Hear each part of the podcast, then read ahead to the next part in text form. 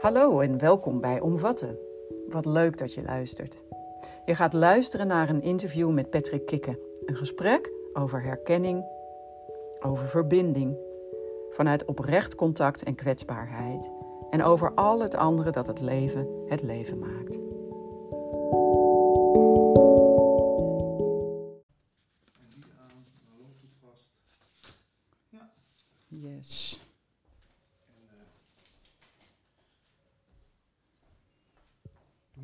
Waar je zin in hebt. Je mag ook, eh, als je er twee delen van wil maken, kan ook wa- wat je wil. Ja, Even kijken. Ga ik even goed zitten. Bril af voor het... Slaat daar wat uit? Ja, hè, dat loopt. dit loopt. Telefoon weer even op vliegtuigmodus. En dat staat hij. Yes. Daar gaan we, Patrick. De rollen omgedraaid. De rollen omgedraaid. Ja, welkom Patrick Kikke. Hoi. Ik, eh, ik heb de behoefte om jou even goed te introduceren. Want jij doet zulke diverse dingen en zulke interessante dingen. Oh. Dus voor de mensen die jou mogelijk niet kennen. ehm, Patrick Kikke, jij bent voormalig radio-dj. Eh, je hebt 14 jaar radioervaring, langer nog. Ja, landelijk wel. Landelijk. En daarvoor natuurlijk doe je een stukje lokale, regionaal. Ja. Precies. Je hebt een aantal boeken geschreven en je bent een van de eerste, dat vind ik heel leuk, die ooit überhaupt in Nederland een podcast ging maken. Ja. En was het nou praten over bewustzijn? Ja, samen met Paul Smit. ja. 486 afleveringen zag ik. ja, te gek. En still going. 13, eh, 13 jaar al. Dat bedoel ik, fantastisch. Ja. En eh, je hebt mij net geïnterviewd voor een hele fijne podcastserie waar je ook al heel veel mensen voor hebt geïnterviewd, Leven zonder stress. Klopt. Ja, hoeveel eh, weet je dat uit je hoofd? Ja, we zitten nu op 385 of 86, maar dan liggen er nog zeker voor een jaar op de plank. Dus eh, ik weet niet, ik voel altijd een beetje, is een gesprek nu nodig? En dan zet ik het dan online. Ja. Ja. Oké, top. En ik vergeet volgens mij nog iets. Ja, jij bent recent ben je ook op televisie te gast. Af en toe bij een programma van Ongehoord Nederland. Ja, wat de laatste dagen veel onder, onder vuur ligt in het nieuws. ja En dat, ik. dat vind ik dan alleen maar leuk. Ja, nou, een beetje reuring, dat past wel bij je, Absoluut. Ik, ik blijf zeggen, eh, waar iedereen A zegt, hoort B ook onderzocht te worden. Zo is het. hey, en Patrick, ehm, wat ik nou zo interessant vind, is de manier waarop wij elkaar ook hebben ontmoet. En ehm, Heel organisch, toch?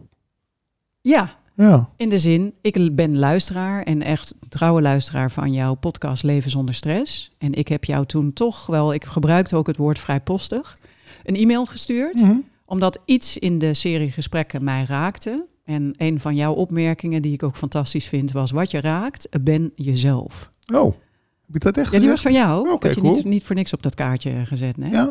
En dat klopte ook. En ik dacht, het is ook van jou. Dus er zit iets tussen jou en mij, wat voor mij heel interessant is. Want ik denk, hé, hey, die Patrick, dat is een stukje van mij. Wij zijn eh, ergens hetzelfde of hoe het dan ook werkt, Ja. in, in welke zin dan ook.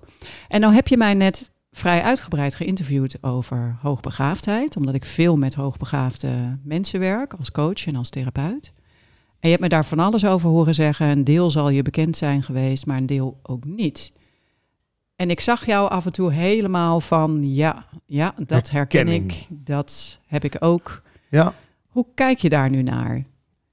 Zou je nu van jezelf kunnen zeggen of, of ergens een lampje kunnen zien branden van, misschien ben ik dat ook wel? Ik durf het niet te zeggen. Ik denk dat dat het is. Ik denk dat ik pas, als, net als jij, een test gedaan heb, dat ik het dan pas durf te zeggen. Want eh, ik weet niet, er zit bij mij lading op of zo.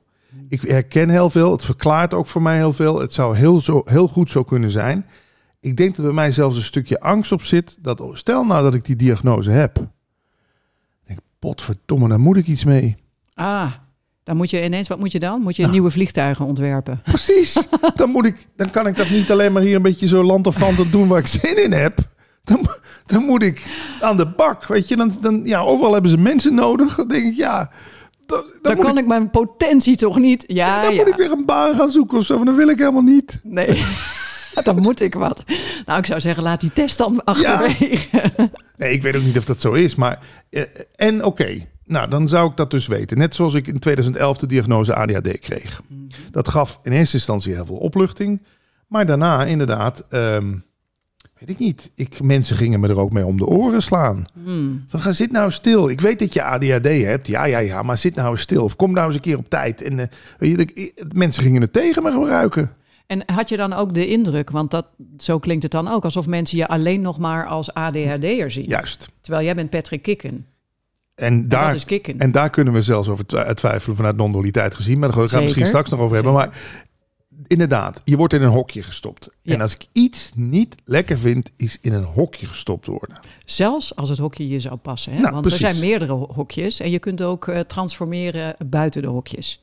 Lekker. Maar ik ben liefst gewoon, dan kan je dat je me niet kan vangen of zo. Weet Ja. je wel? Want zelfs als je mij introduceert als DJ, denk ik, hmm, ja, maar ik ben toch ook podcaster en ik ben ook vader en ik ben ook eh, buurman. Snap je dan? Ja. Ja. Nou, mooi. Mooi Ja. om te horen. Ja. Maar dus vanuit het verwachtingsmanagement, dan moet ik ineens van alles. eh, denk je van nou, Nou, ik zou het. Ik, ik, het vlijt me ook wel op de een of andere manier als jij dan zegt: Ja, maar ik herken dat toch wel. Het is zo, en dan ben ik weer bang dat mijn ego ermee. Ik zit natuurlijk ook heel erg in die spirituele hoek waar de, e- het ego heel erg gedemoniseerd wordt. Hè. Ja. En dan denk je: Ja, potverdomme, dan heeft het ego dadelijk weer iets waar het zichzelf speciaal mee kan gaan vinden. oh, maar ben jij niet speciaal genoeg zoals je bent? Ja, maar ja, speciaal zijn is leuk. Maar moet voor mijn gevoel ook... Misschien is het dat wel. Het moet bewezen worden. Daarom zeg ik ook van... Oké, dan heb ik het label HB. Maar dat zegt mij niks. Nee. Hoe, hoe ga ik dat dan bewijzen? En hoe ga ik dat dan laten zien aan de wereld? Snap je wat ik bedoel? Ja. Alsof dat niet gewoon alleen maar iets is... wat je dan voor jezelf ter kennisgeving aanneemt. Nee, er komt ineens een, een, een, een, een plakkaat... Een, een viscertificaat bij aan de muur... Net als, als artsen en coaches ook vaak allemaal certificaten aan de muren behangen. Ja, maar you gotta live up to it. Ja. Ja. En is er dan ook bij jou twijfel dat je dat niet zou kunnen? Want willen vind ik weer iets anders dan kunnen. Kunnen. Goh, wat een mooie vraag. Ja, ik, ja ik, ik zeg ook altijd, in mij zit ook wel een, een luie Patrick die het ook allemaal wel prima vindt zo. Mhm. Ik heb met mijn radiowerk veel centjes kunnen verdienen, twee huizen van spaargeld kunnen kopen, haha, lekker opscheppen. Ja, maar ja, dat levert mij een comfortabel leven op. Mhm. Ik hoef niet per se.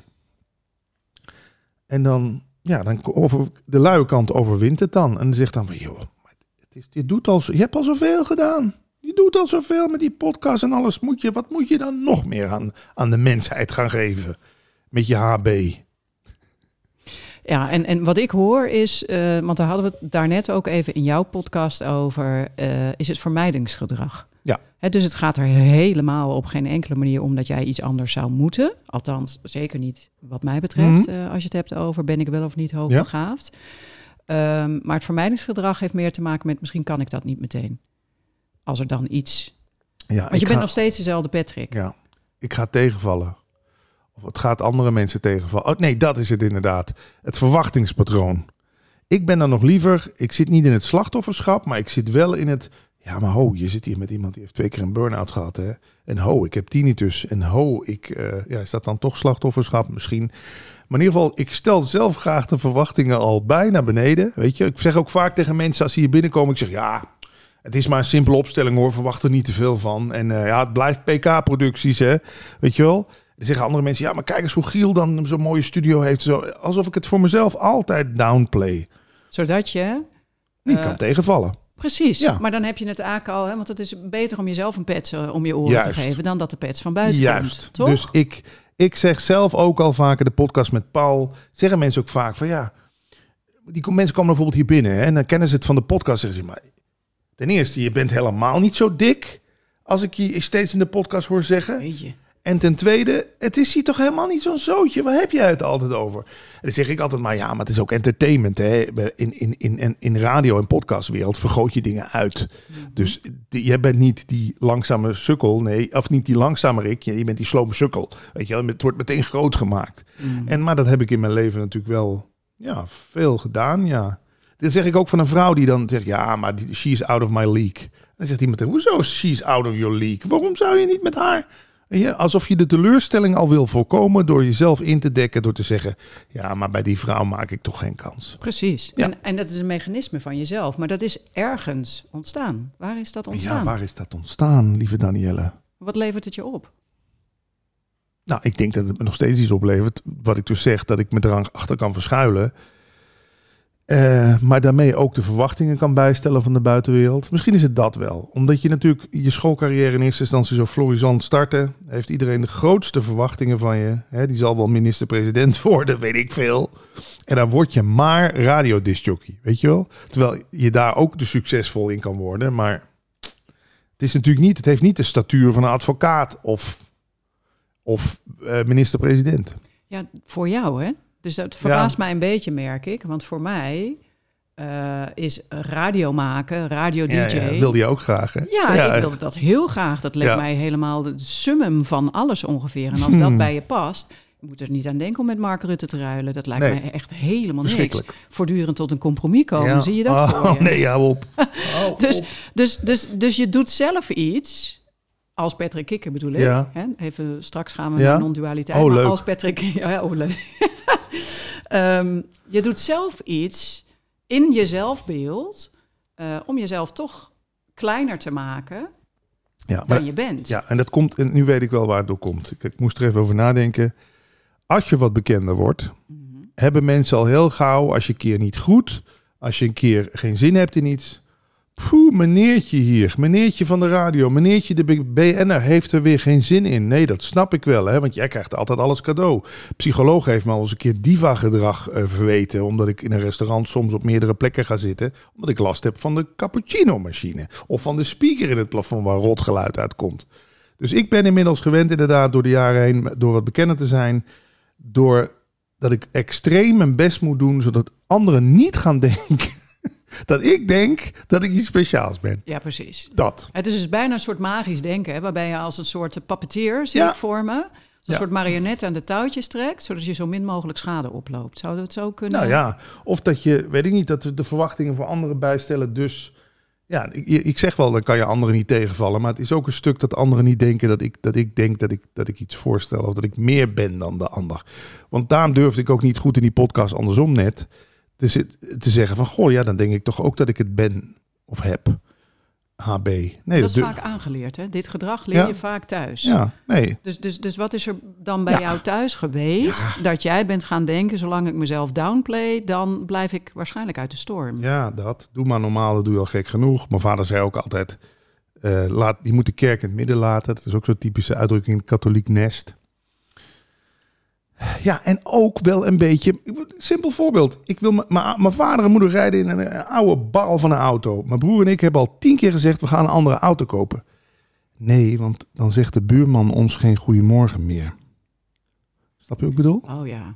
Nou, dat komt echt met de paplepel eh, erin. Hè? Want uh, stel je voor dat je anders bent dan wie nou, dan ook. Ja, en dat je daarmee je hoofd boven het maaiveld ja. uitzet. En dan gaat hun zoon op landelijke radio. en tv. Dus dat is een hele gezonde tegenbeweging ja, nee, jou. tuurlijk. Ik ben ook ik, totaal het tegenovergestelde gaan doen van wat me aangeleerd is. Maar in de kern, in de basis, ben ik nog steeds inderdaad ook dat verlegen jongetje wat wegkijkt. Wat, wat um, al gauw denkt van oeh, als ze me niet gaan denken dat. Of ja, het, maar ja uiteindelijk, Danielle, ja, eh, is het allemaal maar het verhaal eromheen, toch? En dat, dat, dat vind ik er wel zo mooi aan. Dat, wat is jouw verhaal eromheen?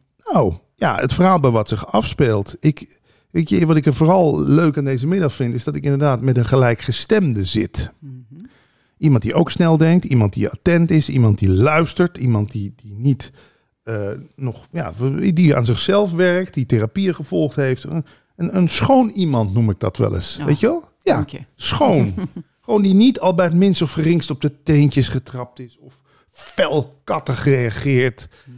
Dus ja, dat type mens, ja, die, zijn, die kom je niet zo veel tegen. Dus wat heb ik geleerd? Als ik dus wel een type mens tegenkom die meteen kattig. Oh, oh, maar, vaak is zo'n opmerking van mensen is allemaal... Maar zo bekend, komen dan al binnen, zo bekend ben jij toch niet? Nee, heb ik dat, heb ik dat ooit gezegd dan? Maar die denken, oh, ik moet Patrick eerst even een paar pets op zijn hoofd geven. zodat hij dat hij weer op mijn level zit of zo. is ook een beweging die, als je het zo vertelt, hè, ik, ken die beweging, ik ken die beweging van anderen wel, daar gaat het niet om, maar van mezelf ook niet. Ik heb nog nooit de behoefte gehad om iemand zich minder te laten voelen. Sterker nog, ik denk dat het dan voor jou en voor mij, want ja, die eerste e-mail ging echt wel over iets wat ik in jou herkende. Mhm. Eigenlijk hebben we het daar nu ook over. Ja Ehm, ik heb echt moeten leren dat ik mag zijn wie ik ben.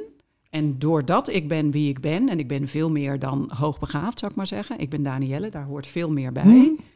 Eh, als je dan voor jezelf gaat staan, dat heb ik dus moeten leren, ehm, dan werp je wel eens een schaduw. Dat is zoals het gaat. Het hoort erbij. Dat heb je te nemen, zal ik maar Ja. zeggen. Dat schuldgevoel dat Ja, daar dan bij ja. hoort van, oh, ik zei dit, terwijl die ander probeerde ook een antwoord te formuleren. Jeetje, en ik was weer de snelste of zo.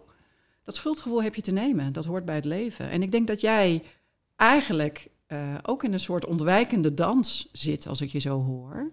Ten aanzien van je eigen ruimte innemen. Gewoon zijn wie je bent. En je bent, denk ik, dat is waarin ik wat, ik, wat ik heel fijn aan je vind, een gevoelig en daarmee ook een kwetsbaar mens. Dat zijn we allemaal, maar, maar we leggen er vaak 500 dagen overheen. Nee, het ligt er bij mij niet meer op, nee. Nee, en dat vind Nee. ik prettig, want daardoor kan ik jou ontmoeten. Ja, daardoor bereiken we elkaar. Kun je nog ietsje aanschuiven oh, trouwens? ja, ik zit te ver. Ja, het is, blijft een... oh, Van kijk, de microfoon weer. af. Ja. Dus, dus Ja. wat, wat zou je nou toch kunnen doen om een beetje dat, dat, dat, ja, het is bijna een soort minderwaardig Ja. gevoel ja, maar ja. af te schudden. En dat, dat komt waarschijnlijk ook wel uit je eigen geschiedenis, uit je familiegeschiedenis. Ja. Soms zit dat al generaties Ja. als dynamiek Ja. in een familie.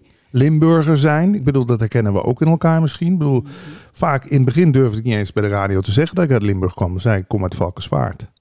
Want ik wist dat er een soort stigma op mensen uit Limburg, weet je wel? Ja, En wat was het stigma? ja weet ik niet. Gewoon eh, dat, dat accent en dat slomen. Of dat, dat eh, misschien hebben we onszelf in Limburg dat ook wel aangepraat. Terwijl dat in Maastricht en omgeving weer anders is. Misschien, het is ook nog regio gebonden. Ik heb begrepen dat er heel veel werkeloosheid sinds de mijnen gesloten zijn in Limburg eh, ontstaan is. Dus ja, veel, wij zijn toch kinderen van ouders die misschien niet helemaal hun potentie hebben kunnen uitleven. Mhm. Dus ja, Nou, ik denk dat de minderwaardigheid van Limburg ook te maken heeft met.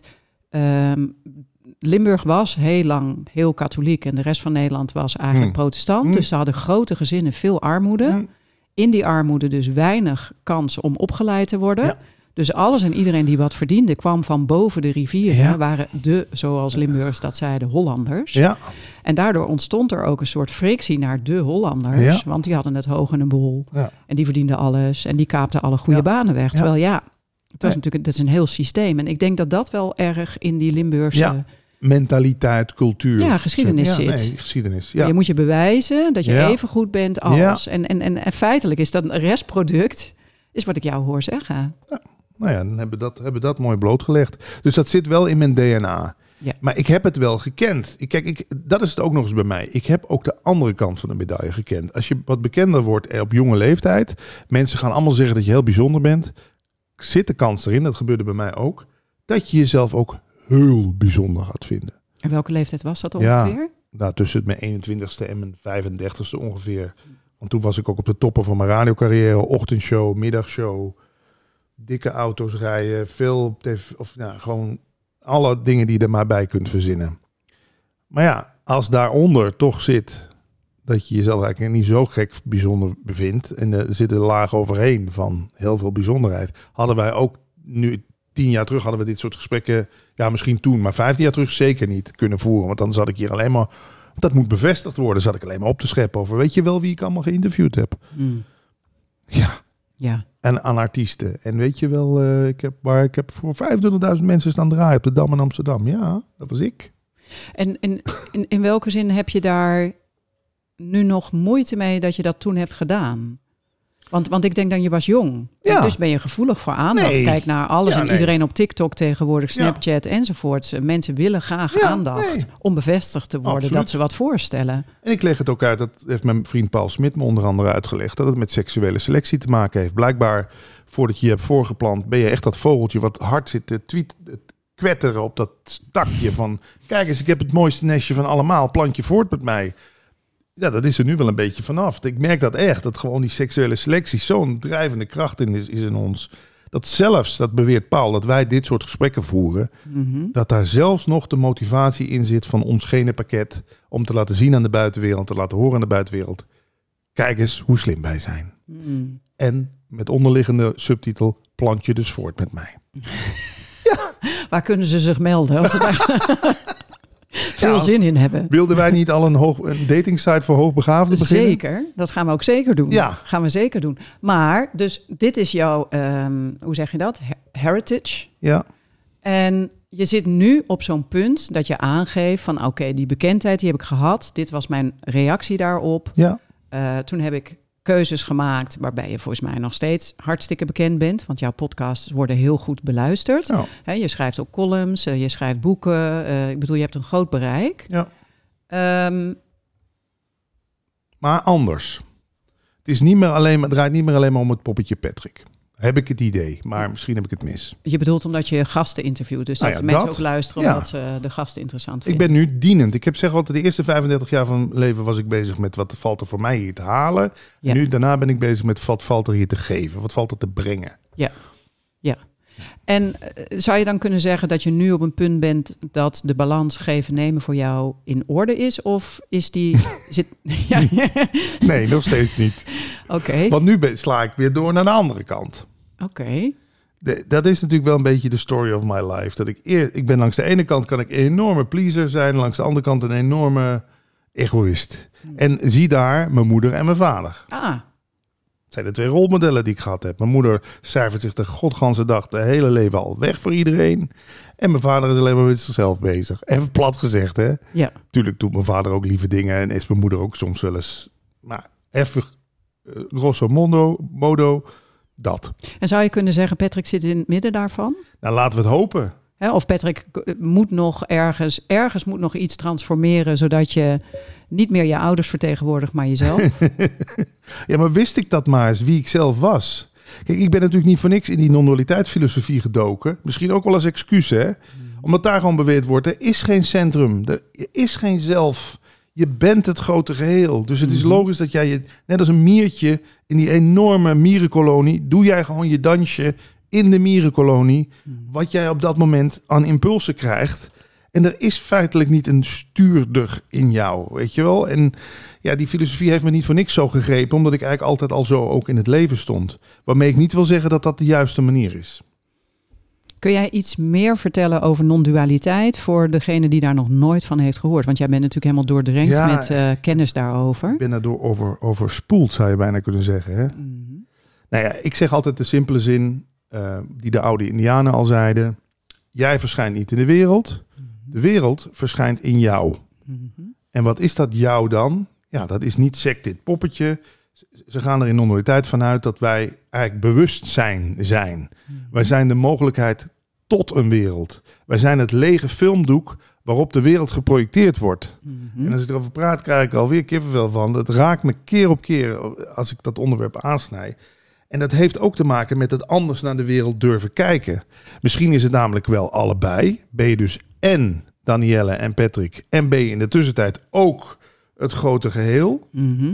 Maar ja, dat heeft mij gewoon heel veel rust gebracht. Want daardoor hoefde ik ook niet meer alleen maar met poppetje. te Daardoor ben jij net zo belangrijk als ik. Want jij verschijnt ook in mij op dit moment. Mhm. Dus ik doe het, met, ik doe het goed voor, voor met alles wat zich hier nu manifesteert. Dus is voor jou non-dualiteit in je leven gekomen toen je die fase van bekende radio-dj afsloot en je was op zoek, nou, of je daar nou bewust of onbewust naar op zoek was, maar de volgende fase. En in de volgende fase heb jij non-dualiteit leren kennen. Je was ook in een burn-out terechtgekomen en dat heeft jou het soelaas geboden en de herkenning geboden. Misschien is dat te weinig. Nee, het tegengif was het. Eh, precies. Tegen Waardoor jij in plaats van wat je zei, ik was aan het nemen, Ja. kon je gaan ontvangen. een enorm opgeblazen ego. Wat, waar gewoon, net als je het bijt van, een beet van een slang hebt, waar een tegengif voor ingediend moet worden. En zie daar, was daar ineens eerst spiritualiteit. Nou, nou eerst nog, want dat gaat iedereen doen die een enorme opgeblazen ego heeft, denk ik, van die motivatietapes. Hè?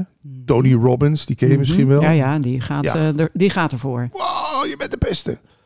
Ja, dat werkt dan heel even. Nou, dan kom je bij spiritualiteit uit. Wayne Dyer, Deepak Chopra. Ja, en toen bij Eckhart Tolle en toen bij non-dualiteit. En ja, dat greep me gewoon. En het, het, ik voelde ook gewoon, ha, nu gaat die ballon, genaamd het ego, die, die komt weer een beetje normale, tot normale proporties. In plaats van die enorme ballon die iedere dag maar opgeblazen moet worden. Ja. En heeft die non-dualiteit dan ook de relatie met jou, van jou met je ouders veranderd? Absoluut. Ja, want In welke bleef- zin? Ja, eigenlijk positief. In het begin was ik natuurlijk alleen maar aan het verwijten. Hè? Van, ja, en ik ben zo en zo. Dat komt daar en daardoor. Alles maar buiten jezelf zoeken, wijzen. Ja, nu had ik eindelijk, dacht oeh, maar het zou ook wel eens aan mij kunnen liggen. Ja, dus de introspectie kwam ja, echt op gang. Ja, absoluut. Ja. Dus daar ben ik eh, Paul Smit onder andere wel heel dankbaar voor. Dat ik daar dankzij hem allemaal zoveel van geleerd heb. Ja. Wat zou je van jezelf, want we hadden daarnet toen ik binnenkwam even kort een gesprek over de fase waar je nu in zit. En je Mhm. zit, zou ik het zo kunnen zeggen, in een soort transformatie. Een fase waarin je weer aan het herijken bent van wat ben ik aan het doen? En past dat voldoende bij mij? Hoe ga ik het verder vormgeven vanaf hier? Klopt dat? Klopt, en dat moet ook wel, want een, maandje of negen geleden is mijn liefdesrelatie overgegaan. En, en het was een, weer een liefdesrelatie waarin ik mezelf compleet heb weggecijferd. Compleet ben verloren, zullen we maar zeggen. Ik was alleen maar met haar bezig. En, en ja, het lijkt wel alsof ik daar nu nog een soort van herstellende van ben. Want ga maar eens vijf, zes jaar en niks ten nadele van haar. Want ik bedoel, ik heb het zelf uiteindelijk laten gebeuren. Eh, altijd maar met die ander bezig zijn. En natuurlijk zou ik er ook wel genoeg nog in het begin zeker zelf uitgehaald hebben. Maar ja, ik ben de koning in, in, in te lang in niet lopende liefdesrelaties blijven. Want wat zou er kunnen gebeuren als je eerder eruit zou Ja. stappen? Eenzaamheid, Hmm. verveling, Hmm. eh, spijt, Hmm. mm, verdriet. Ja, allemaal die dingen waar jij zegt, ook in je podcast, waar we van nature graag bij wegblijven. Ja, maar je zegt dus ik heb nu ook ruimte nodig om te verwerken wat er allemaal is Ja. gebeurd. En eh, wat, wat, mij nou zo interesseert, Patrick, is je maakt heel erg de beweging bij jezelf weg, geef je aan. Hè? Want je gaat dan weer op die ander letten en, en denken van wat vindt die ervan? Mogelijk gebeurt dat nu ook. Pleasen. Ehm, wat heb je nou nodig om bij jezelf te blijven? Eh, ja, dan zeg ik zelf altijd rust, vrije tijd, lege agenda. En dan kun je voelen wat er, wat er Ja, gevoeld moet dan worden. komt het op. Ja. Maar ja, ik, heb ook, ik ken ook die beweging van eh, maar je agenda vol pompen om maar niet aan het liefdesverdriet toe te komen. Of om maar niet, eh, ja. Ja. Dat, maar dat ook, dan leer ik van Jan Geurts, die ken je natuurlijk ook wel. Mhm. Misschien ook een leuke gast voor je een keer. Geeft niks, mag best. Hmm. Ik ben al blij dat ik van die stem af ben die zegt van, zie je nou, wat zit je nou weer te doen? Weet je wel, daar ben ik in ieder geval enigszins van af. Hmm. Dus ik laat mezelf gewoon. eh, nou, dan zie ik dat gebeuren. Oh, weer, je bent weer je agenda aan het volduwen. Omdat je blijkbaar weer niet aan het liefdesverdriet toe wil komen. Of, of bang bent voor verveling. Ja, zo so be it. En als jij nou kijkt naar het kruispunt waar je nu op staat, ehm, waar bestaat dat voor jou uit? Wat zijn de keuzes die je nu. Hm, leuke vraag. De keuzes die ik heb. Ja, Ja. Dat, dat zou ik eigenlijk inderdaad eens een kaart moeten brengen. Want bijvoorbeeld nu ook met dat ongehoord Nederland. Er is veel om te doen. Hè? krijg ik van allerlei mensen de vraag.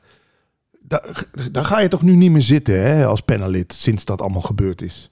Dan denk ik bij mezelf. Dat weet ik eigenlijk niet. Ik weet het niet. Ik heb daar echt geen dat ik denk, ja, als ze dinsdag weer bellen, waarschijnlijk zit ik er dan weer. En dan denk ik, ja, moet ik daar. Ik, ik vind het best wel lastig om stelling te nemen. Hmm. Of om, om ook bijvoorbeeld, eh, hè, bijvoorbeeld eh, je, we hadden het over van of jij nog wel of niet hier blijft eten straks. Toen zei jij tegen mij, een mooi voorbeeld, van, ja, we kijken even hoe jij je voelt. Want ik weet dat dit best wel enerverend is voor je. Maar dan denk ik alleen maar, ja, dat is een beetje de moeder, mijn moeders kant, hè. Ik weet het niet. Wat wil jij? Hmm. Weet je wel? Ik sta met heel veel dingen echt. Als je me vraagt, wat wil je? Dat vind ik een van de moeilijkste vragen op aarde. En misschien dat non-dualiteit me daarom ook zo eh, eh, pakt. Want daarin wordt gewoon de vrije wil keihard ontkend. Er wordt gewoon Mm. gezegd, er gebeuren gewoon dingen. Je komt er pas later bij met een verhaal. Dat heb ik wel of niet gewild. Dat heb ik wel of niet ge- gekund. Wel of niet goed gedaan. Dus ik leef wel een beetje zo van...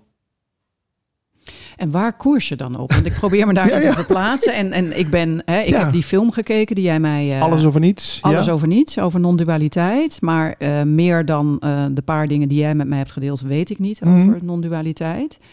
Eh, maar ik weet wel waarop ik koers. Waar koers jij op? Hoe, hoe, hoe, hoe maak je keuzes? Lieverd, ik weet, ja, het lijkt alsof ik gewoon geen keuzes maak. Dat doe ik natuurlijk wel. Maar Nou, ik kwam binnen. ja, Toen zei jij 1 oktober is de datum. Dat is dan volgens mij toch een keuze. ja, 1 oktober is de datum dat ik dat en dat en dat ga doen. En daarmee stop. ja. Maar ik weet inmiddels dat de kans dat het, dat het, dat het anders gaat lopen heel groot is. Oké. En dat is in mijn hele leven al het geval. En misschien doe ik het wel om teleurstelling te voorkomen. Ik weet ook, misschien is het wel een enorm copingmechanisme. Maar ik wel, merk wel dat ik de luxe heb om zo in het leven te staan. Mhm. Van, eh, als jij me morgen belt en zegt... hey Patrick, we gaan volgende week met de camper naar Frankrijk. Eh, vind je het leuk om mee te gaan? Dat, dat, dat dan die hele... Ja, dan verandert alles weer of zo. Mhm. Dus ik ben wel een soort... Ja, wat noemen ze dat? Een fladderaar. En, eh, daar is een naam voor. Eh, Ja, dus, dus je hebt niet een, een vooropgesteld plan. Maar op dat moment, als we puur even inzoomen op hoe je dan tot een keuze komt bij die, bij die camper. Dan kan dus van alles bij jou in beweging Ja. komen. Waarop jij voelt, oh, dit is een ja. Precies. En is, waar is dan die ik die die keuze maakt? Ja, dat is altijd een hele interessante vraag. Ja. Dat, is, dat ontstaat in het moment bij mij, maar we weer dat het bij, bij iedereen eigenlijk ontstaat in het moment. Dat je, je volgt als het ware de beweging. Mhm. De, net als een Alleen, dans. Alleen denk ik dat mensen die dus heel goed geleerd hebben om zichzelf te voelen, Ja. en vanuit daar te kiezen, Ja, die volgen die beweging. En jij volgt, zoals je jezelf omschrijft, de beweging van de ander. ja klopt. Dus als ik eh, zeg maar naar links dans, dan denk je, nou blijkbaar gaan we naar gaan we links. naar links. Ja, Toch? ja klopt. En dat is, eh, dat, dat, dat is iets wat ik herken, wat ik heel lang altijd heb gedaan. Ja. En wat ik nu eh, meer in balans heb en, en steeds vaker voel, ja wacht even, maar dit is mijn Ja, ja, ja. keuze. Dit is wat ik wil. Ik snap het ook, maar ik ben wel het tegenovergestelde heel lang geweest. Hè. Ik was een enorme control freak. En het moest allemaal op mijn manier gaan. En dus het zal ook wel zijn omdat ik dat spelletje uitgespeeld heb of zo. Dat ik dat zag, dat brengt ook niks. Nee. Of dat brengt ook alleen maar strijd. Weet je, eh, het is zo'n term in non-dualiteit, ontoorlogen. Ja, dat ben ik eigenlijk aan het doen. Weet je, oh prima, dan gaan we nu dit doen. Oh, jij wil een appel? Nou, dan pak ik een appel voor je. Mhm. En dan de- heb ik wel eens als je weg was. zeg ik, Potverdomme, dat was mijn laatste appel. Maar Word je dan ook boos? Ja, dan heb ik wel een sticker. Ja, maar mijn laatste appel weggegeven. Shit. Weet je, en dan, maar dan... Zou je kunnen zeggen, dat is dan eigenlijk de clash van het ego en de non-dualiteit. Ja, ja, dus je hebt een hele duidelijke, zou je kunnen zeggen, Ja. eh, het, non-dualiteit is een levensfilosofie. Het gaat over zelfbewustzijn. Eh, maar ja, je hebt natuurlijk nog steeds ook een ego, ondanks dat je dat hebt geprobeerd te reduceren. Dat is ook ten dele gelukt. Komt dat ego om de hoek en die denkt, nou, nou heb ik toch potje Ja, zin in die een appel. En dan heb je hem niet meer. Nou, lekker gewerkt weer, Patrick. Ja. Ja, mijn ego is een soort wild paard wat gewoon eh, op stal staat. Oh, En- oh, te gek. Dat is een mooie beeld. En dat laat ik heel... Als ik die column schrijf, ik wijs nu naar de laptop die daar staat... dan mag het wilde paard de stal uit. En dan zul je ook zien dat het hele leuke boksprongen kan maken. En dat ik Jan en Alleman erbij haal en, eh, en allerlei eh, dressuur, weet ik wat je allemaal met een paard kan doen. Maar dan gaat het weer terug de stal in. En dan, eh, ja, En dan? Wat, wat, dan? wat ben je dan? Want, Ja. want dit is mooi. hè? Ik ben blij dat je zegt, er Ja. is een uitlaatklep voor dat ego. En dat doe ik dan daar. Dan ga ik los. Ja, en dan ga ik weer op de bank liggen en dan, en dan focus ik mijn aandacht weer op een documentaire of op een serie. Weet je, weet je, volgens mij heeft het heel erg met aandacht te maken. Leg je aandacht bij inderdaad die stem in je hoofd die van alles willen. En iedereen de, de, de- iedereen de ziektes toewensen. Of leg je je aandacht daar? Mhm. Mijn aandacht is nu daar. Mhm. En straks daar op de tv of hier bij de maaltijd. En ik heb inmiddels wel geleerd dat je aandacht, zullen we zeggen, in de buitenwereld leggen. Dat dat voor mij prettiger is dan de aandacht op mezelf focussen. Maar inderdaad, ik ben met je eens die balans. Want het is, het is natuurlijk, en dat hoor je vaker, ook mensen in India die gewoon op straat gingen liggen. En die lieten zich gewoon aanvreten door insecten. Sorry voor het beeld. Maar die moesten echt weer even pats, pats je in dat lichaam weer. Want je bent helemaal met je aandacht. Ja, je bent uitgetreden Ja. bijna. Je zweeft daar ergens. Ja. Hallo. Ja, je hebt ook nog te bestaan in het materiële. Juist. Ja. En dat is het gevaar misschien ook van veel spiritualiteit. Die leren je inderdaad gewoon je aandacht verleggen. En dat ego aan banden te leggen eigenlijk. Of, Mhm. of daar doorheen te kunnen kijken. Maar ja, je hebt het in sociale situaties ook nodig. Want dan gaan mensen misbruik van je maken. Ja, en, en dan, dan worden je grenzen voortdurend overschreden. Ja. Echt, ik, ja, want als jij in de rij staat bij de bakker en twee mensen dringen voor, ja, en dat je er maar gewoon denkt, ja, het is toch maar, ik ben bewustzijn. Ik zie nu dat twee mensen voordringen, maar dit heeft niks met mij te maken. Feitelijk is het zo, maar je, je handelt, als je er dan niet meer naar handelt, ja, Nou, er zijn verschillende lagen, denk ik. Hè? Als, je, als je zo kijkt, als je het hebt over spiritualiteit en ook over non-dualiteit. Je hebt gewoon ook die aardse laag. En die klopt af en toe hard aan de poort. En die zegt, hier komen kikken. Want uh, dit is nu nodig.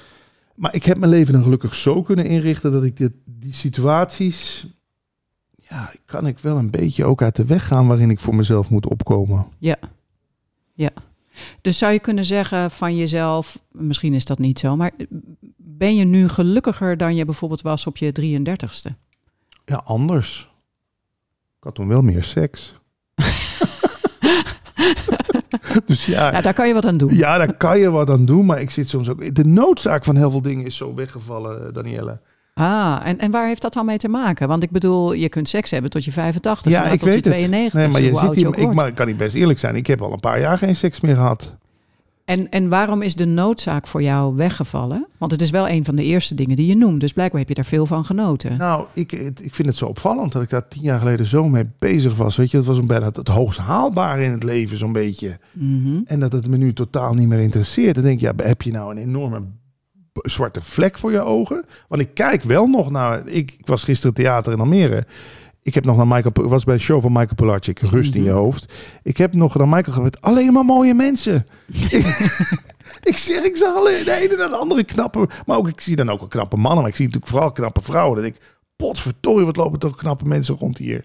En dan. Maar dan is wel de. En dan is dan denk ik dat ego wat gewoon op stal staat. Ik, ik voel dan niet meer de neiging. Ik moet erop af. Ja. Ik moet gezien worden. Of ik moet daar een nummer gaan halen. Of ik moet een... Ja, het komt niet meer tot een vervolg. Maar dat klinkt op zich wel rustig. Want je, ja, dat geeft rust. Hè, van, oh, nou, ik kan er wel van genieten op een afstandje. Maar ik moet niet meer van Juist, ja. Of is het zo dat je dan daarna ook iets mist? Dat je denkt, hè, het was nou toch wel leuk geweest als... Hmm, dat is een goede vraag. Ja. Nee, ik heb dan wel het stemmetje wat zegt, ja, maar waarom, wat maakt daar dan eens werk van? Weet je, ik doe ook helemaal niet aan data's. Ik, ik spreek wel met heel veel mensen af, maar of er komt er weer geen vervolg. We hebben een leuke middag gehad. Denk ja, dat is toch ook leuk, een leuke middag. Mhm. Waarom moet dit nou weer een vervolg krijgen? Het, het lijkt een beetje, en correct me if I'm wrong, op um, dat stukje wat je, of, of hoe we begonnen.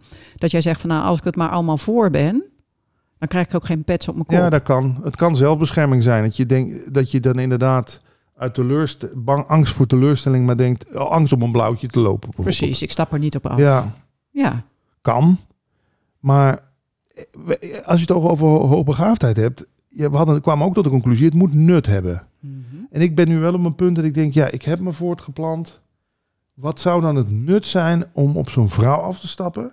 En dan, oké, dan ga je daten, en dan ga je een keer zoenen, en dan ga je eh, seks, en dan word je voorgesteld aan een schoonfamilie. En ik ben er inmiddels wel achter gekomen, ook dat houdt weer een keer op. Hmm. Dus ik ben vooral, denk ik, gewoon, ik heb inmiddels zo vaak, ja, we kunnen het teleurgesteld noemen, maar ik ben er inmiddels wel naar x aantal relaties achter. Dat ik denk, ja, blijkbaar is dat gewoon voor mij niet weggelegd. Een, een langdurige relatie die ergens toe leidt. Bij jou heeft het tot een gezin geleid, tot een, je woont samen. Bij jou leiden de dingen tot iets. Bij mij komt het zo op als een vuurpijl, zo. Mm weg. Hmm. Ja. Dan denk ik soms ook, ja, wat zal ik nou nog in die vuurpijlen investeren? Het dooft toch weer uit. Hmm. Oké, dus, dus en, en doet dat dan, want je zei net over je ex-vriendin. Uh, ik heb dat natuurlijk zelf voor elkaar gekregen, dat ik me zo ben gaan aanpassen en ben gaan pleasen. Als je terugkijkt op jullie relatie, waar, wat, wat zijn dan met name de dingen die bij je opkomen? Uh, ja, scheef. Dus gewoon scheef gegroeid. En inderdaad, uh, ik, ik, was aan een dood paard aan het trekken om toch nog maar een keer die metafoor te gebruiken. En ik wist ook van ja, ik, ik dacht ook ja, ik ga het niet uitmaken. Want uh, ik, ik zie er toch nog, hè, voor, ja, voordeeltjes is ook zo'n lullig woord, maar ik, had het toch, ik haalde er toch nog een bepaalde voldoening uit. Maar dat het geen gezonde liefdesrelatie was, dat, dat, hè, dat er veel emotionele afstand was en zo, dat had ik ook wel door. Maar had je het willen missen? Want, want stel dat je erin had gestaan zoals waar je nu staat. Dat je zegt, ja, ik begin er niet eens meer aan, want het houdt ook een keertje op. Dan sla je eigenlijk alles wat wel prettig was om samen te ervaren over. Dus had je het willen missen? Nee, dit niet. Maar ik heb wel zoiets nu van, nou, nu ga ik wel aan een soort risicospreiding doen of zo. Weet je wel, ik heb een enorme sociale kring, of enorm, maar in ieder geval een goede grote sociale kring. En dan denk ik, nou, Morgen ga ik bij de buren eten. Vandaag spreek ik met jou af. Eh, dan ga ik met een vriend vissen, weet ik veel. Of naar de film. Je En dan, waarom moet dat met één persoon? Dat moet ook niet, hè? Nee. Volgens mij zijn er ook geen vastomlijnden. Een relatie zit Ja. A, B, C, D zo in elkaar Ja. en dan moet je dat doen. Ja, die, die zijn er misschien vanuit andere mensen. In mijn hoofd in ieder geval niet. Er zijn superveel vormen voor. Dus ja, of tenzij ik natuurlijk inderdaad iemand tegenkom waar ik bijvoorbeeld net als met jou zo level, dat je echt denkt, oh maar hier, dit is echt 1 en 1 is 2. Mhm. Maar ik heb toch veel relaties gehad waarbij het 1 min 1 is 0 is. Wauw. Ja, nee, dat... eh, ja. Je moet er wel nog om lachen. Ja, of 1 keer 1 is 1. Weet je, dat je denkt, ja, wat schiet er weer nou? Wat, we komen niet verder, dit groeit niet tot iets. Maar ja, misschien is het ook wel omdat ik dan weer een vrouw tref die geen kinderen wil. Ik wil dan eigenlijk ook geen kinderen meer. Dan denk ik ook, ja, wa- volgens mij is de biologie ook gewoon, ja, de- dat is bedoeld voor het kroost. En als dat niet meer hoeft, bedoel, ja, dan waarom dan nog een liefdesrelatie? Wat, weer- Wederom, wat is hier dan het nut van? Ja, ik Ja. snap leuke dingen doen, bonding, knuffelen. Maar ja, wij kunnen toch ook knuffelen? Ja, nou, hebben we al een paar Ja. keer gedaan. Hè? We doen het ook even in deze podcast. Drie keer geknuffeld. Maar we moeten boven de acht. Wil de levensenergie eh, stromen. Dus we gaan er straks nog even flink knuffelen. heerlijk. Waar word je blij van, Patrick? nou, dit soort gesprekken voeren. En eten dus. En het liefst nog eten delen met mensen. Zodat je zo'n zo'n tapas gedoe met allemaal schaaltjes op tafel. Ehm, nou, ik word blij als mensen reageren op de podcast.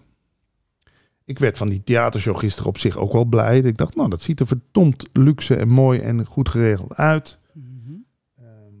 Nou, ik word vooral blij als de ander ook blij wordt. Dat maakt me ook, dat is logisch, toch? Nou ja, ik denk dat je de energie gewoon kunt voelen. Ja, Het is heel moeilijk als jij ergens super blij bent. Er komt iemand binnen die stik chagrijnig Ja. is om dan blij te Ja. blijven. Kijk, Jan van Delden, de man die ik 13 keer of 12 keer geïnterviewd heb, die zegt letterlijk: de persoon staat in de weg van blijdschap. Eh, je, je bent in, van nature, net als een klein kind, is, zit, is gewoon één brok levensenergie, één brok geluk, één brok vreugde. Zodra daar een persoon in geprojecteerd wordt, die aan van alles moet voldoen, en dit wel mag en dit niet, ja, dan wordt dat naar acht, een beetje ingedrukt. Dus ik zou dan liever spreken over eh, niet wat maakt Patrick blij. Nee, ik word gewoon blij van blijdschap. Ja. En blijdschap ontstaat in het moment als, de, als jij en ik eigenlijk wegvallen. Want ik heb niet het idee dat dit nu Danielle en Patrick is die met elkaar in gesprek zijn. Nee, het wordt gewoon het gesprek. En zie daar, daar komen alle fijne kwaliteiten omhoog. Blijdschap, vreugde, spontaniteit, energie. En dan, ja, dan geniet ik daarvan mee, ja. Het, het doet me een beetje denken ook aan eh, wat je nu zo omschrijft. ehm, wat je vaak bijvoorbeeld auteurs hoort zeggen of muzikanten. Dat ze zeggen, het werd, door mij, eh, het werd geschreven, niet eens door Ja, mij. ja. Het kwam door me heen en toen Ja. schreef dat boek zichzelf. Hè? Of schreef dat lied eh, zichzelf. Ja. Ja, dat is natuurlijk een te gekke ervaring. Een soort flow-ervaring of zo. Dat Ja. je één wordt met je omgeving en met alles. En daar rolt dan een product uit. In ons geval dit gesprek. Ja. Maar ja, dat is niet per se in die zin heel bewust krampachtig Nee, gestuurd dat door jou ontstaat. door mij. Sporters zeggen dat ook. Marco van Basten zei: Ik zag mezelf dat doelpunt maken op het EK 88. Ik was er ook maar als een soort toeschouwer bij. Ik krijg weer kippenvel als het over Ja. gaat. Dat is toch iets. Ja, en misschien zijn dat de. Daarom vinden we seks en zo ook zo mooi. En daarom genieten we van muziek. En daarom genieten we van. ehm, eh, wat, nog, wat heb je nog meer waar je kan, van kan genieten? Seks, muziek, eten, eh, dansen. Weet je, knuffelen ook. Misschien vallen jij en ik dan gewoon uit. Het idee dat we een jij en een ik zijn valt weg.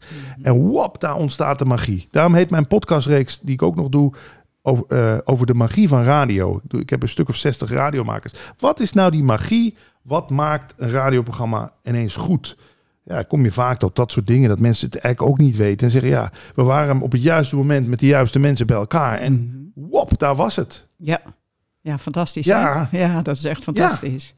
Hey, en als jij nou zo, want jij bent even oud als ik. Tenminste, eh, ik ben bijna even oud, want ik word dinsdag 48. Jij bent ook 48. Gefeliciteerd alvast. Dankjewel. Leuk. Ik verwacht natuurlijk dat je zingt. Hè? Dat Ja, ja, ja. hoeft niet. En waar, worden, waar gaan we het vieren?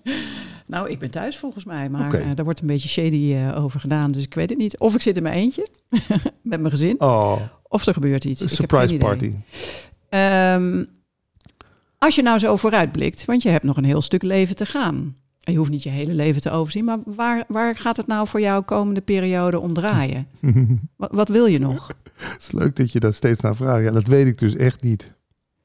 Is er iets wat er ontbreekt waarvan je denkt van nou, Nou. dat zou mooi zijn als dat er zou zijn? Ja, is iets dat ontbreekt. Ehm, nou, wat ik het, het ultieme voor mij, maar ik denk ook meteen als ik het zeg dat ik er alweer spijt van ga krijgen, zou gewoon dus zijn in een soort community vorm wonen. Hmm. Weet je wel? Dus Ja. gewoon met jou erbij en met gewoon wat gelijkgestemden. En dat we gewoon, weet je wel, dat je, dat je, ja, dat je gewoon samen eet en samen deelt. En zegt, oh, kom eens luisteren wat ik nu weer ontdekt heb. En dan kom jij naar me toe en zeg, je moet dit boek eens proberen. Weet je, een beetje wat ik vroeger in die vriendengroep had. Mhm. Dat mis ik wel. Gewoon een, een soort basis waar je op terug kan vallen. Mhm. Dus dan ben je samen, je kunt Maar- heel goed verbinden en je kunt elkaar ook inspireren. Ja, en toch ook alleen zijn. Want ik kan gewoon naar mijn, ka- naar mijn kamer of naar mijn hutje gaan, weet ik het. Klik, klak, deur op slot. En met mezelf zijn. Ja, Ja, dat klinkt ook fantastisch. Ken Ja. je mensen die zo hebben gewoond of wonen? Ja, jawel. Je hebt in Lelystad het Siddha-dorp. Daar zitten alle mensen die van de TM-beweging zijn, zitten daar bij elkaar. Mhm. Je hebt natuurlijk in, ik heb in Portugal gezien, Monte Sahaja van Muji. Daar zitten ze allemaal met caravan. En komt gewoon, dan kom je met de caravan. Oh, zet hem maar daar neer. Je hoort er nu ook bij. Hmm, Tof. Ja, Tof. dat- Mijn man is opgegroeid voor een deel in zo'n community. Ja, kunstenaars uh, heette dat kolonie, dat weet ik eigenlijk niet, maar ik noem het even zo. Uh, in Bergen aan Zee, letterlijk aan het strand, was een pand waar uh, kunstenaars woonden. Ze hadden gemeenschappelijke ruimtes en ieder had zijn eigen appartement. Dus hij is voor een deel, ik, als ik het goed zeg, was hij tussen de vier en de tien jaar oud. Samen met zijn zus en zijn moeder daar opgegroeid. Ja. En ik, ik, ik heb daar zelf een redelijk geromantiseerd beeld van. Want ik dacht, oh, al die kunstenaars die gaven aan de lopende band feestjes. Ja. En het zijn natuurlijk mensen die uh, alles out of the ordinary doen, tenminste vaak. En Mhm. uh, ja, dat, dat, dat, dat hele pand ziet er ook fantastisch uit. Dus uh, nou, er werd in ieder geval veel meer gefeest dan ooit in mijn leven Ja. heeft plaatsgevonden. ja, dat denk ik ook. Dus dat klonk mij ook altijd fijn. En hij zei, ja, voor, voor hem was het grote voordeel als kind... Er waren geen speeldates, want er woonden 30 of 35 kinderen daar, weet je wel. Je was gewoon altijd buiten. Je lag uh, 50 weken per jaar ongeveer in de zee. Zee, ja. En je deed je ding. Je had een stok en dat was het. En het was top. Ja. ja, dat mis ik ook wel een beetje uit mijn jeugd. We hingen ook altijd op het pleintje. En, eh, ik weet dat indianenstammen ook zeggen van... nou, eh, we, we, samen voeden we het kind op. Dus van die leert hij pijl en boog schieten. Van die leert hij eh, hoe je, eh, weet ik het, vlees moet klaarmaken. Dus met z'n allen. Ja, Ja. dat mis ik wel een beetje. En dan ben je, uh, je bent natuurlijk in een hele individuele cultuur geboren en grootgebracht. Ja. Terwijl je misschien wel passender bent met eigen kamer, eigen ruimte Ja. in, een, uh, in een groepscultuur. Ik heb een tijdje in een, uh, toen mijn vorige relatie overging, in een, in een bed and breakfast gewoond in Brabant, waar dat een beetje zo was. Dus heb ik daarvan kunnen proeven. Ja, dat was, dat was heerlijk, weet je wel. En dat was, het ging ook allemaal zo organisch. Het was niet van, nou, het is dinsdag, nu moet jij uh, koken. Of het is woensdag, jij moet boodschappen doen. Het, het, flowde inderdaad gewoon. Ja. Ja, Dus Maar- dat zou je sowieso nog wel graag willen. dat zou ik wel eens willen uitproberen, maar dan wel met de, met de vluchtroute dat ik mijn eigen huis nog heb. Ja. Snap je? Ja. ja, nou ja, dat weet je van jezelf. Dat je eigen ruimte nodig hebt. Ja, dus dat, dat, dat je wel nog kan terugvluchten als het echt niet zou bevallen. Maar ja, ik, ja, dat zou nog wel leuk zijn. Nou zei je net, als ik daar antwoord op ga geven, krijg ik er vast meteen spijt van. Heb je al spijt? Beetje wel. Ja? Ja, Vertel. want dadelijk moet het ook nog. Oh, oké. Ah, dus als jij iets uitspreekt, dan is het mogelijk gehouden in steen en dan houdt iemand je eraan. Ja, bijvoorbeeld. Ah, oké. Ja, dat is al een paar keer teruggekomen, Ja, dit. Maar ik ben ook zo veranderlijk als het weer, Danielle. Je kan mij in één zin, dan bel ik jou op. Of ik spreek een voice message in. Zeg, Danielle, weet je wat een leuk idee zou zijn? Dat wij eens met z'n tweeën eh, een dagje naar de Efteling gaan. Want dan doen we weer inspiratie op. En dan zitten we in die bootjes en dan zien we al die mooie dingen. Maar ja, het is daar natuurlijk wel druk. Hè? En het is lastig met parkeren. Het is best wel ver. Nee, we doen het niet. Oké, doei. ik kan in één zin. Ken je dat? Dat je gewoon... Je het bent idee versus wat Ja. kan ik zelf aan? ja, en dan komen we bij die prikkels natuurlijk allemaal. Want natuurlijk lijkt het me leuk inderdaad met z'n allen ergens te wonen. Maar er zal maar iemand komen wonen met een klein kind. Wat de hele tijd een jank is. Of een hond die de hele dag een blaf is. Ja, dan komt natuurlijk de prikkel, overprikkelde Patrick weer. Die zegt, wat doen we hier? Mm. Wegwezen. En is het voor jou oké om allebei die kanten van jezelf gewoon te accepteren, te omarmen, te zeggen het is er allebei? Inmiddels wel, maar ja, het maakt het er niet makkelijker op, toch? Mm. Want inderdaad, wanneer zet je dan nog eens een keer met iets door? Mm. Weet je, dan denk ik van nou, het zou toch wel mooi zijn als die schuur uitgebreid werd. Want dan kon ik daar mijn podcaststudio maken. Goed laten isoleren. eh, weet ik het, leuke lampen erin, mooie achtergronden. Ja, maar dan zit ik wel een maand, zit ik waarschijnlijk een maand in de rommel. Met allemaal bouwvakkers en die beginnen vroeg. Laat maar. Mm. En waarom zou je een betere studio dan dit willen hebben? Is dat omdat je dan toch zo'n opmerking krijgt horen van... oh, heb je die studio van Dat Giel Belen gezien? Ook omdat mensen, ja, mensen dat wel eens tegen me zeggen. Dan denk ik, ja, dat is eigenlijk wel waar. En dan heb je nu, je, gebruik je de helft van je woonkamer gebruik je als studio. Maar inderdaad, ja, mij maakt het eerlijk. Het is Nee, inderdaad. dus als we dan weer terugkomen Ja? naar je kruispunt... van eh, Patrick versus Patrick gericht op de ander... Ja, Zodra je dan dus wat hoort over hoe die andere doet, Ja. wordt dat bijna in jouw hoofd Ja. iets van, oh, dat moet ik dan ook. Ja. Terwijl als je echt bij jezelf stilstaat, gewoon bij de binnenkant, niet naar buiten gericht, zegt, nou, ik vind het wel prima. nou, ik vind het wel prima zo. Ja, Nee, ik laat me inderdaad vaak enthousiasmeren door anderen.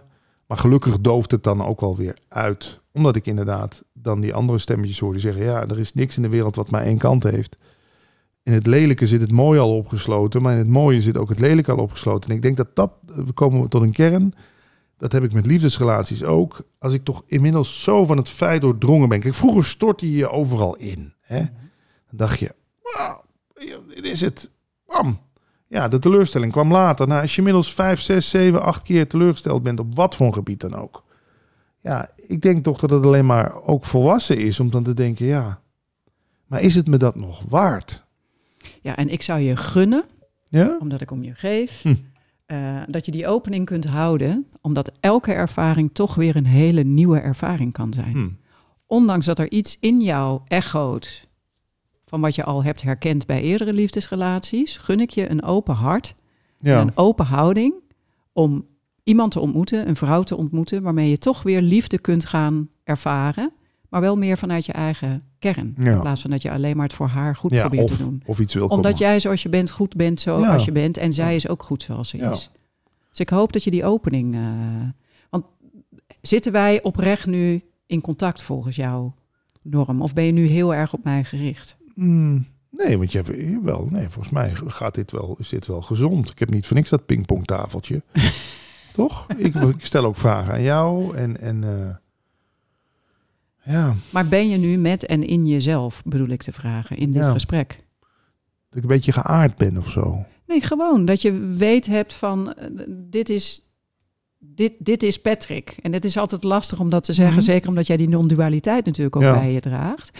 Maar kun je nu zeggen van ik ben nu kwetsbaar en open en eerlijk? Jawel. Nou, Maar ik ben, blijf ook die chameleon die eh, eh, jou ook een goed gesprek wil geven. Ik zal hier niet de kont tegen de krip gooien. nee. Ook al zou ik denken van verdomme die lampen. eh, en ik ben er nu wel klaar mee. En ik, nou, nu stoot ik weer tegen haar voet. En daar, dat is ook mijn truc toch. Kijk, ik heb natuurlijk zat van die stemmetjes in me die, die de boel willen saboteren. Zo maar zeggen. Die, die ook zeggen van ja, maar ze is getrouwd. Wat zit je nou hier middag, hele middag weer met een getrouwde vrouw? Je had toch net zo goed, weet ik wat, door de regen kunnen wandelen met een bloedmooie blondine van 28 met Die je gisteren in het theater hebt met gezien. zulke jetsers. maar die, die, dat hoor ik dan nu niet. Want ik ben met mijn aandacht daar. Mhm. Ik heb denk ik toch wel geleerd... te veel met jezelf bezig zijn is ongezond. En misschien ben ik erin doorgeslagen. Maar ik, ik ken mijn brein. Ik voed het niet voor niks met zoveel documentaires. 500 per jaar. Mhm. Ik weet, als ik dit ding zijn, zijn gang laat gaan... Mhm. dan gaat het spookverhalen verzinnen. Ja, dan komen er te veel saboteurs. En dan terugkomend op het onderwerp hoogbegaafdheid. Op het moment dat je jezelf minder intellectueel zou voeden, is ook bij hoogbegaafden het zo. Het brein wil denken. Dus dan gaat heel vaak, als je uit de creatieve leuke ideeën bent, omdat je jezelf daar niet mee Ja. voedt, het doemdenken. Juist. In, Nou. in tempo, divergent, Ja. verschrikkelijk. Ja, nou zie mijn vader, die dus heilig ervan overtuigd is dat de buren tegen hem zijn. Sterker nog, die zijn s'nachts met een balletje tegen de muur aan het gooien om hem wakker te houden. Ja, verschrikkelijk. We noemen dat een psychose Mhm. en we krijgen hem er niet uit. Sterker nog, hij wordt boos als je het ontkent. Het is voor hem echt een groef waar hij gewoon de hele dag... Ik heb nu de afspraak met hem, als ik er ben, pap, je weet, ik, kan, ik word er heel verdrietig van als je dat steeds zegt. Heb ik dan maar tegen hem gezegd. Zeg dus alsjeblieft, als ik er ben, zeg het niet. Ik weet dat je voor jou zo is, maar zeg het niet. Nou, dat helpt een beetje. Maar inderdaad, dat heb ik ook. Dan denk ik, is dat mijn voorland over 25 jaar? Want hij is 73. Dat ik dus eh, op het moment dat ik dus niks, met, met niks meer voed of zo, dat mijn hoofd idiote verhalen gaat verzinnen waar ik ook nog in ga zitten geloven. Hmm.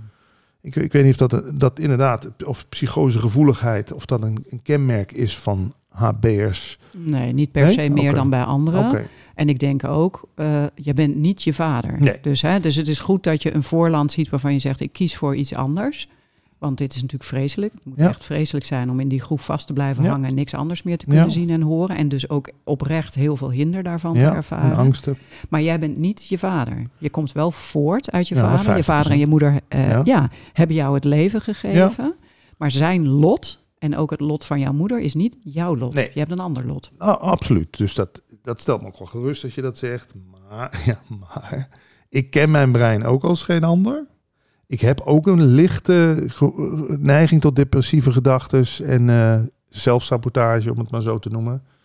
Dus ja, dan maar jezelf inderdaad voeden met lekker veel eh, eh, info. Ja, En, maar met het risico wel dat je inderdaad het contact met je lijf verliest en dus niet meer voelt. Want als ik alleen maar cognitief bezig ben, alleen maar info, info, info. Maar goed, inmiddels heb ik het idee dat ik daar toch wel een redelijke bij. Op een gegeven moment hou je het ook niet meer vol. Ik bedoel, lukt het, wie lukt het nou nog om gevoel echt buiten de deur te houden? Daar moet je toch alle zeilen bij zetten. En Ja. je- nou ja, dat kost ook wat. Hè? Daar worden mensen ziek van. ja, Worden mensen letterlijk ziek van. Ze krijgen hartklachten of andere klachten of auto-immuunziektes Ja. of wat dan ook. Dus dat is heel mooi. En ik ga je zo meteen helpen, hè, want we hebben nog minstens zeven knuffels te gaan. oh ja, we gaan knuffelen nog. Ja. Om weer lekker Ja. helemaal in je lijf te komen. En mezelf ook, hè? Want die knuffel is, is, is een geven nemen tegelijk. Ken je die free hugs filmpjes op YouTube? Ja, fantastisch, hè? Fantastisch. En die waren er tijdens de coronapandemie. Ja? Dus dat was... Ja, toen, Ging toen heb gewoon ik door. ze voor het eerst Oh, ja. gezien.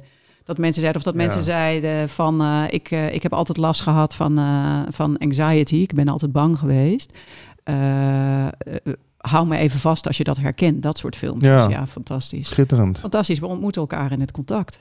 Absoluut. Is er nog iets wat ik jou niet gevraagd heb, wat jij heel graag had willen delen? nou, da- daar staan hele andere dingen op, want dat zei ik al tegen je. Ik bereid een gesprek Ja. voor. En ik geloof dat ik twee vragen hiervan heb gesteld. Nou, kijk Het anders. loopt anders. Wat, wat, wat, Nou, maar is er iets voor jou? Want nou ja, wat ik een mooie vraag vind tot slot, Mhm. is deze. Wat is voor jou een echte zielsmissie? Wauw. Ja, iets wat spontaan opkomt. Ik bedoel, waar komt spontaan de drang op om jou een knuffel te geven? Of om jou een kus te geven? Of om dit gesprek... Kijk, ik had ook weer... Ik, dit, voor deze gesprekken, wat denk je wat mijn hoofd daar niet allemaal weer van gemaakt had? Even in- viel mee hoor, maar even om het te voor de podcast duidelijk te maken. Ja, je hebt al zoveel geïnterviewd. En wat, wat, wat schiet jij je nou mee op? En dan ben je weer je hele zondag kwijt. En we- Maar nee, ik voelde, dan voel je gewoon, dit klopt, dit moeten we doen. Dus dan is het een zielsmissie. Op het moment dat jij binnenkomt en dat we de eerste paar minuten opgenomen hebben, denk ik, ja, zie je nou wel? Weet je, dan wil ik bijna tegen die stemmetjes zeggen, ik wijs nu naar boven. Zie je nou wel weer met je idiote adviezen van eh, je kan toch beter de hele zondag dit en dit. Nee, dit voelt alsof het het goede ding is om te doen. En ja, dat, dat is dan een, een zielsmissie, denk ik. En het, is, het hoeft niet per se iets groots te zijn. Ik heb zo'n tegeltje in Limburg hangen, daar heb ik nog een slaapkamer. Do small things with great love. Ah, mooi. Prachtig. Dus dat kan ook. Ik bedoel, ik, met die buren heb ik supergoed contact. Ga morgen weer bij ze eten. Zij, als ik er niet ben, zetten zij mijn bak buiten. Als zij er niet zijn, ben ik, ben, ik haal de bak ook naar binnen. Nou, waarom, dat is ook een daad van liefde. En, la, en dat hoeft niet meteen wereldverbeterend of veranderend te zijn. Nee, zeker niet. Maar dit is op dit niveau hier. Hoe fijn is het dat wij zulk leuk contact hebben? Ja, fantastisch. Ja, Hartstikke mooi. Hartstikke mooi. Daar schoot nog net iets door me heen en nou ben ik het kwijt. Maar super fijn. ja. Hartstikke bedankt, Patrick. Jij ook? Ik, oh ja, nou weet ik wat ik wilde zeggen. Alles wat jij doet staat, is te vinden op www.patrickkikken.com ben jij volgens mij. .nl. .nl. met ck.nl. Ja. Dus ook alle liefdesbetuigingen Hmm. kunnen gewoon via jouw website hun weg naar jou Ja. vinden. Dat klopt, hè? Ja, maar dat is het. Kijk, Alexander Smit heeft ooit gezegd: we zijn liefde op zoek naar zichzelf. Hmm. Als je zo in het leven staat, en, en Byron Katie ook zo mooi, hè? Er is alleen maar liefde of een verborgen roep om liefde. Hmm. Nou, als ik zo ook naar die andere buurman kan kijken, die zijn auto altijd parkeert op een plek dat ik denk, ah, weet je, ja, dat heeft hij blijkbaar nodig. Weet je, kijk er met de ogen van liefde naar. Super mooi. Ja. Dankjewel voor deze mooie ontmoeting. Jij ook.